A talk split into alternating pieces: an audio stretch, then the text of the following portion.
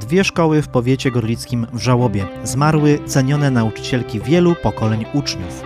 Zderzenie pojazdów na ulicy Kościuszki w Gorlicach. Na całe szczęście nikt nie ucierpiał, ale miasto stało w korkach. Batoniki popularnego producenta mogą być szkodliwe. Ostrzegamy przed ich szklaną zawartością. Gorliczanin dał się naciągnąć oszustom i stracił 20 tysięcy złotych. Ciekawostki, fakty i mity. W rolach głównych Ignacy Łukasiewicz i wyjątkowy kościół w Siedliskach. O tym powiemy dziś we wtorek 19 stycznia. Dzień dobry, przed mikrofonem Tomasz Stasiowski.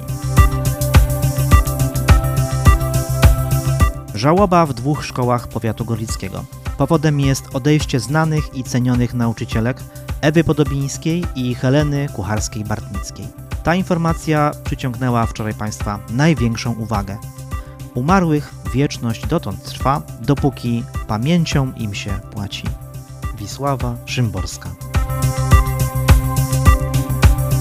Z Biecza i Bobowej przenosimy się do Gorlic, a konkretnie na ulicę Kościuszki, gdzie doszło wczoraj do zderzenia dwóch pojazdów osobowych. Na całe szczęście nikomu nic się nie stało. Utrudnienia na ulicy Kościuszki spowodowały jednak zakorkowanie wszystkich ulic dojazdowych prowadzących do Zawodzia. Po godzinie 14 całe miasto stało w korku.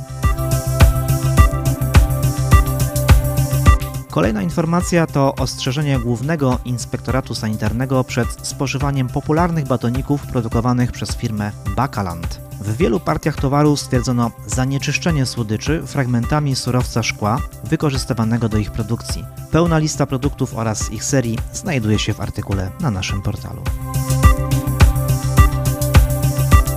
Kolejna informacja to ostrzeżenie przed oszustami i naciągaczami. O ich sprycie przekonał się ostatnio jeden z mieszkańców naszego miasta.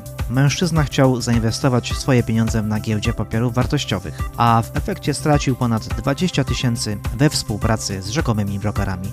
Zaproponowali zainstalowanie specjalnej aplikacji na telefonie poszkodowanego. Jakie były dalsze losy tego procederu, możecie przeczytać na naszym portalu.